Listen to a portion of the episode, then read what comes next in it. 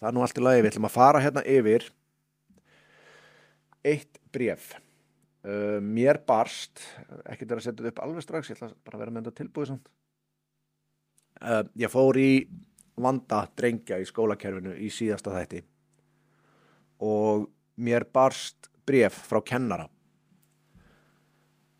og sem að fannst þetta mjög áhugavert og vildi endilega koma sínum skoðunum á framfæri og til hann eh, eða hún tekur það fram sérstaklega að hérna sé ekki um alhæfingar að ræða heldur sáðan mínar skoðanir. Og hérna hérna lesum þetta bara aðeins hérna.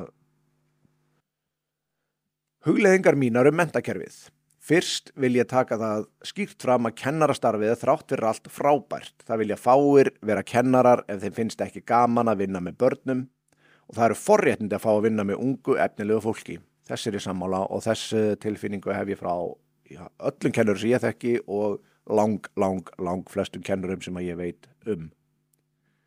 Tilfinningin þegar maður sér kvikna á perunni hjá nefendum og lausnin verður til er ótrúlega góð. Eins ólíkir og nefnendur geta verið er svo gaman að vinna með þeim að þessum mótunar árum maður saknar oft mest nefnendana sem eru krefjandi. Eru nefnilega gerðnan mestu karakternir. Já, það er bara mjög mikið til þessu. Og ég er bara alveg saman að ég elska að vinna með börnum og úlingum og mér finnst það bara alveg æðislegt. Að mínu mati, úps,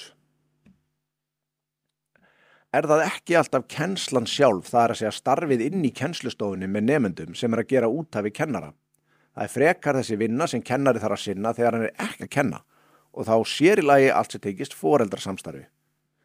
Ég hef, aldrei hitt kennara sem að tekur ekki undir þetta. Það sé það sem að sé mest krefendi en ef einhver heldur að foreldra séu auðveldir þá væri nú ekki ekki vitlu sögmynd að bara kíkja til dæmis í blöðin sem búið að vera að koma út á undanförna sem kennar að tala um að sé bara að ringja í þá.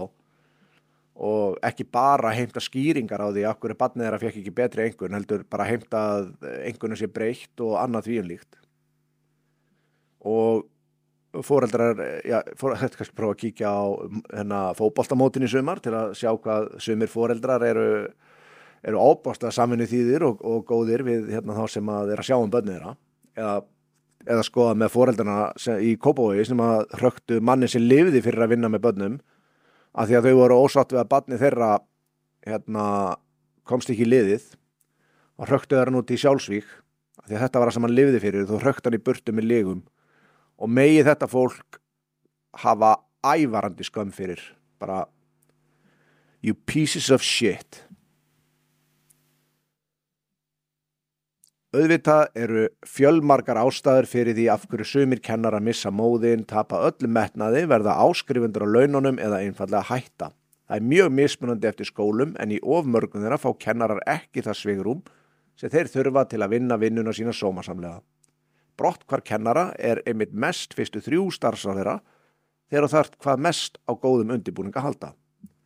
Já, þetta er einmitt ræðilegt. Það er allt og mikið álæðaðum og mest grems mér nú þegar einhver er fyrir að röfla eins og yfir hverjur þeirra hverta með allt sitt sumafrí ef að, ef að þetta og fyrir utan nú að mikið af þessu sumafríi fer í endurmentun og alls konar hluti að þá, þá held ég að verður ekki með neitt í meir en tvö ár ef þú verður ekki með þessu sumafrí þeir var allir átnir útbrunnir. Þannig að þetta er ofbáslega góða punktur og stiður einmitt það sem að einmitt kom fram í síðasta þætti að vandamálið sé fyrst og fremst kerfið. Allt of oft sitja kennarar fastir á tilgangslitlum fundum um alls konar þvætting sem kemur skólastarfinu lítið sem ekkert við á meðan þeir gætu nota þennan tíma til að setja upp aðtiklisverða kennslustund. Það er nefnilega mikil vinna sem fer í að undibúa hverja kennslustund, leggja hana þannig upp að þörfur sem flestra sem mætt. Frábær punktur. Ég hef einmitt heyrt að fullt af fundum gæti verið e-mail. Þannig að